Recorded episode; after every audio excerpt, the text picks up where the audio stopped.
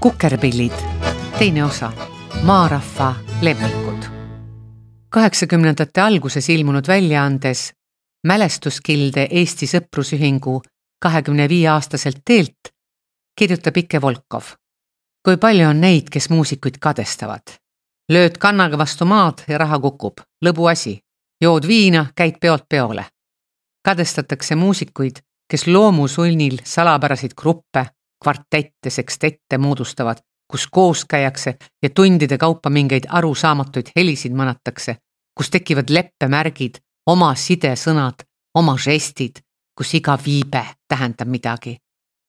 tekib mingi pahelisuse varjund, mingi homoseksuaalsusega sarnanev, läbinisti taunitav, ent seda ligi tõmbavam atmosfäär. see polegi amet, see on eluviis. see väsitab, see eneseandmine need vääritimõistmised, need pisitülid inimestega, kellega sa oled seotud suguluse ja sõpruse hellade sidemetega. peab olema pillimehe naine, et teada, mis tähendab oodata ja see kordub aina ja sõbrad unustavad sind sünnipäevale kutsuda, sest sa nagunii ei saa minna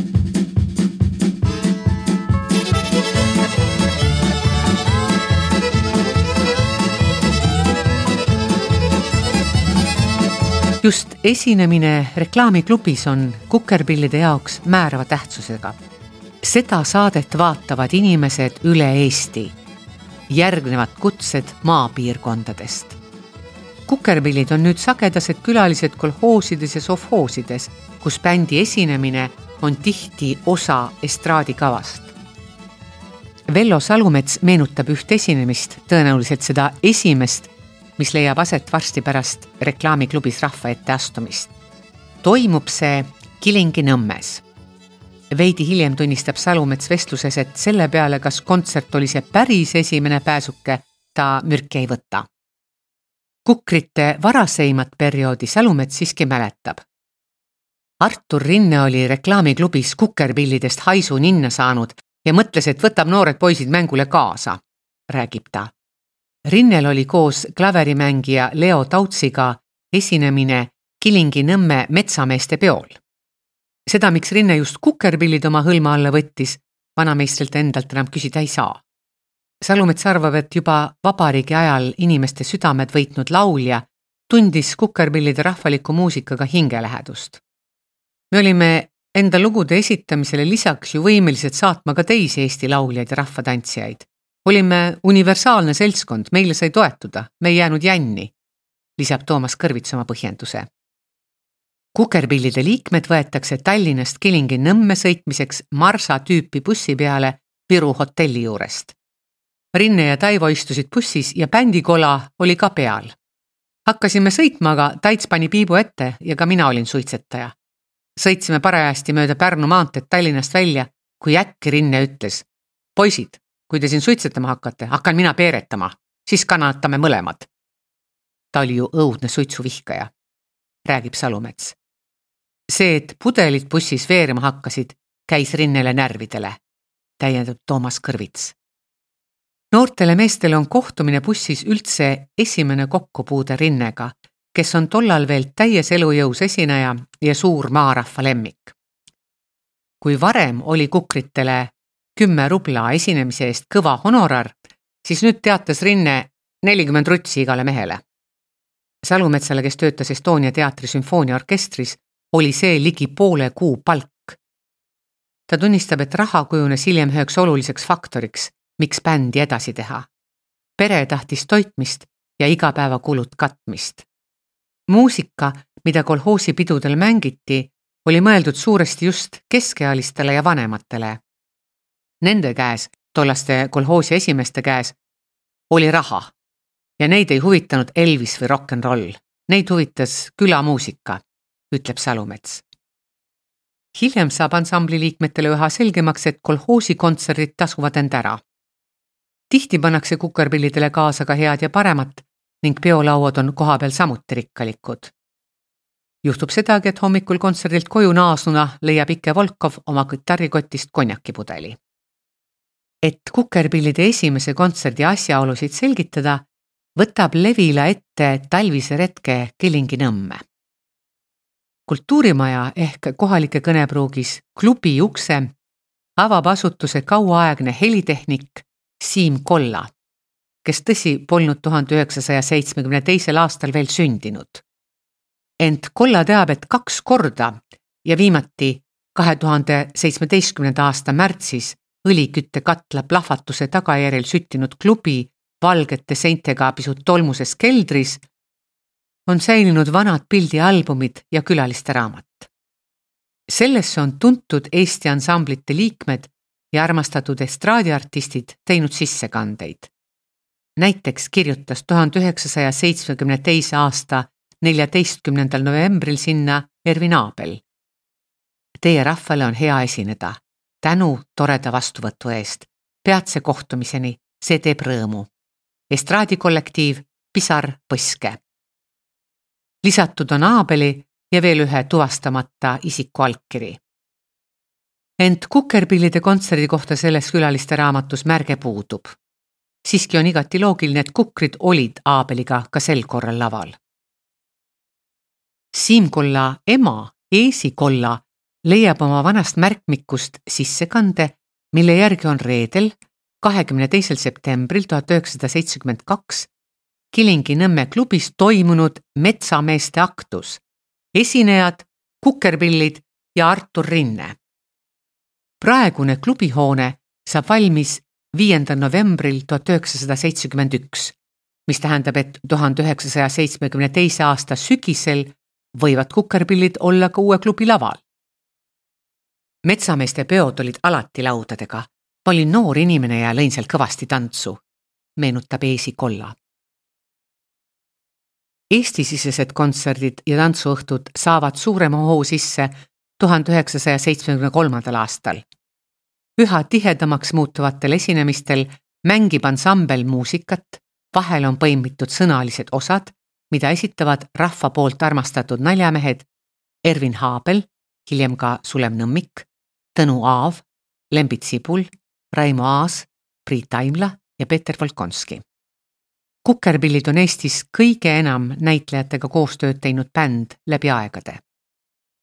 kõige rohkem esinevad Kukerpillid koos Tõnu Aavaga. Eesti Televisioonis on tuhande üheksasaja kaheksakümnendate alguses eetris koguni Aava show, mis kannab pealkirja Täna õhtul ja milles ansambel samuti osaleb.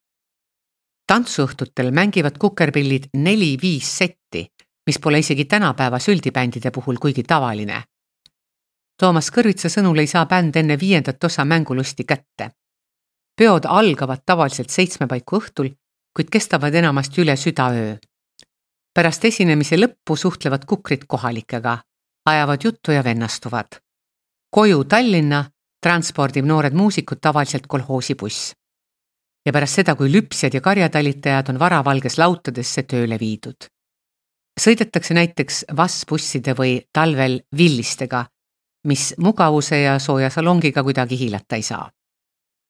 Toomas Kõrvits räägib, et öine ülevalolek, külmad bussid ja teised ebamugavused noori inimesi ei heidutanud. sellest, mis elu tollal elati, kujuneb hiljem kukerpillide elustiil. muusika ühendas ja kõige tähtsam oli ikka see, et sai pilli mängida, täheldab Kõrvits Kukerpillid annavad nii ametlikke kui ka mitteametlikke kontserte, mida nad ise tantsulkadeks kutsuvad. sellest, kui mõni ametlik kontsert kohalikus täitevkomitees registreerimata jääb, tuleb paksu pahandust. olime ükskord Artur Rinnega Jõhvis, kuskil pargis see kontsert oli, aga kohalikel organiseerijatel polnud korraldusluba. tuli mingisugune kultuuriministeeriumi funktsionäär ja hakkas õiendama. aga Rinne ajas selle asja korda, kontsert tuli meenutab Toomas Kõrvits. Kuimetsa kultuurimajas müüvad korraldajad piletite asemel postkaarditükke. kultuuriministeeriumil tekib küsimus, kuhu läks raha? Toomas Kõrvits teab, nagu tavaliselt bändimeeste taskusse ja siis veel kuhugi. kukritel tuleb aru anda Sorvos ehk sotsialistliku omandi riisumise ja spekulatsiooni vastu võitlemise osakonnas, praeguse Venemaa Föderatsiooni suursaatkonna majas Pikal tänaval. meid pandi Taivoga eraldi ruumidesse ja öeldi, et hakake nüüd kirjutama, mis seal juhtus. pärast võrreldi minu ja Ikke versioone. selle ülekuulaja nimi oli Hindrikson. sel ajal, kui ma oma versiooni paberile panin, sõi tema banaane, mida kuskilt tellinud oli, räägib Kõrvits. Nõukogude Eesti elanikud teavad, et banaani õnnestus toona hankida vaid vähestel. eelkõige saavad seda imevilja maitsta nomenklatuuri esindajad ja nende järeltulijad. kahtlasest piletimüügist ähvardab ajakirja Pikker tulla tögav artikkel. ent Eesti ajakirjanduse üks tähtsamaid tegelasi, Juhan Peegel, on Taivo linna onu. linna selgitab peeglile olukorda ja seletab, et kukerpillid pole süüdi, sest pileteid nemad ju ei müünud artikkel ilmub tänu sellele nii, et märgitud on vaid Ike Volkovi ees- ja perekonnanime nimetähed. Ike mäletab, et artikli kriitilist sisu muudeti leebemaks, kuna Volkov käis ise Pikri toimetuses õiendamas. kõige hullemad olid kolhoosi nääripeod. Aravete kolhoosis käisime aasta lõpus neli korda, sest iga osakond tahtis pidu teha. Rosolli aga oli lõpuks juba neljanda päeva oma kõhuhädad käisid mul kallal, selliseid asju ikka juhtus, meenutab Toomas Kõrvits.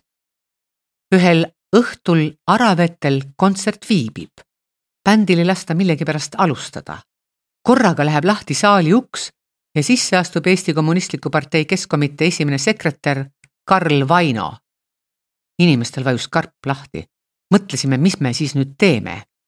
tegime siis nii, et panime rahva laulma Vaino vaatas hapu näoga, lihtsalt istus seal esimeses reas, meenutab Toomas Kõrvits.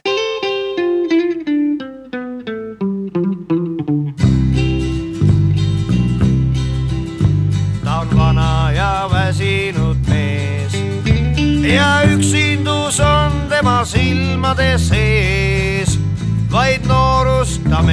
meenutab veel, see elu vaimu hoiab tal sees. tuhande üheksasaja seitsmekümne kolmandal aastal plaanib Eesti reklaamfilm korraldada suvetuuri pea kõikidel Eesti suurimatel vabaõhulavadel koos Kukerpillide, Els Himma ja Gustav Kikerpuu estraadiorkestriga.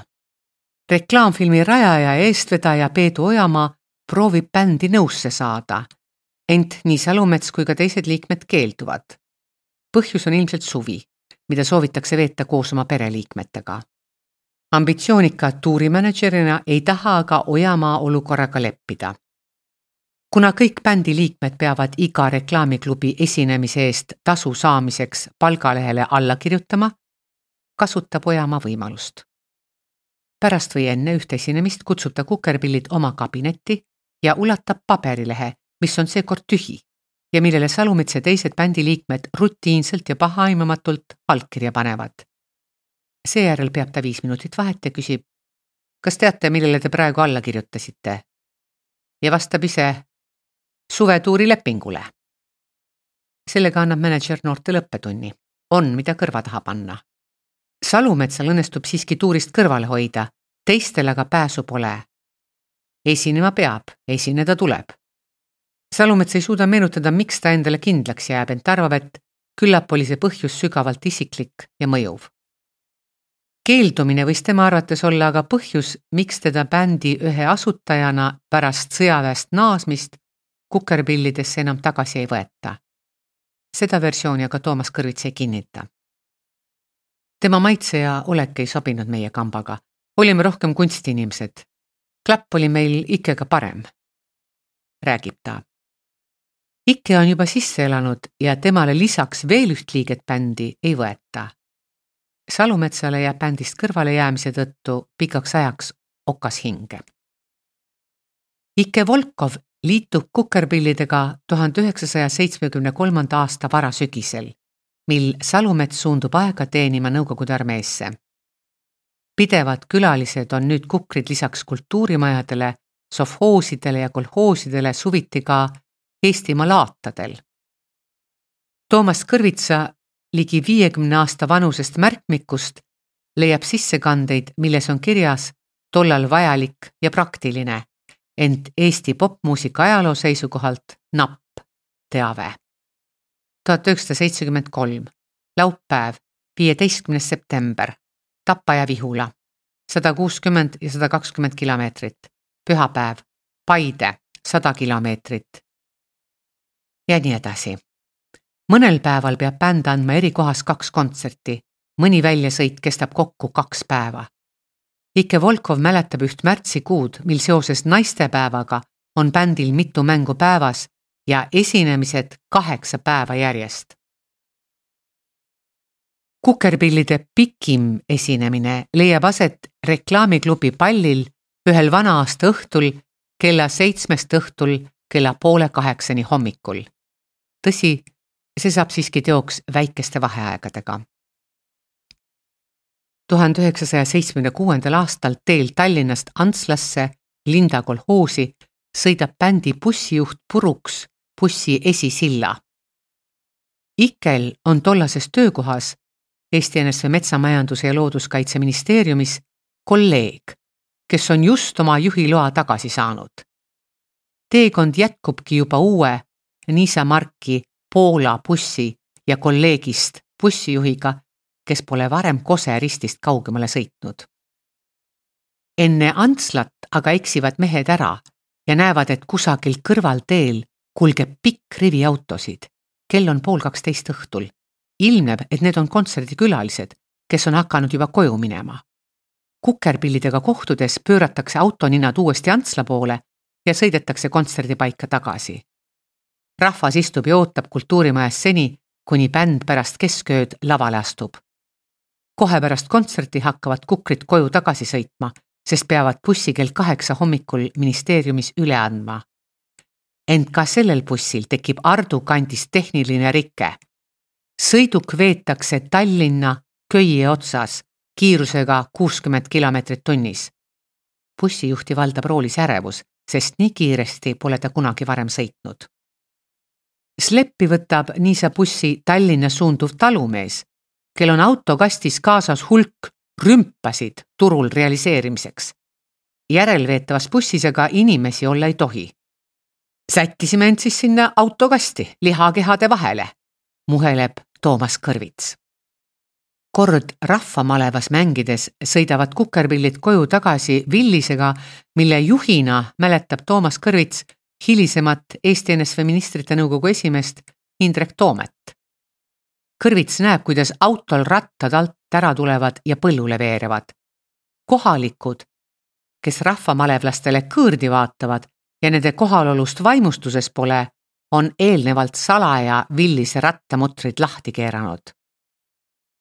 seitsmekümnendate vahetusel, ühel märtsikuu päeval Tartu kontserdilt naastes, elavad kukrid läbi ka raske liiklusõnnetuse. Paunküla kurvis on kiilas jää ja bussijuht sõidab teelt otse välja põllule kõigepealt kukub buss külili, siis rullub katusele ning seejärel valitseb salongis täielik vaikus. sõiduk liugleb katusel mööda põllujääd. ikke ees hakkab keegi naine karjuma, tema käsi on kuhugi vahele jäänud. Volkovi kõrval istub Tiit, kes järgmisel hetkel tõdeb. midagi tilgub, veri vist.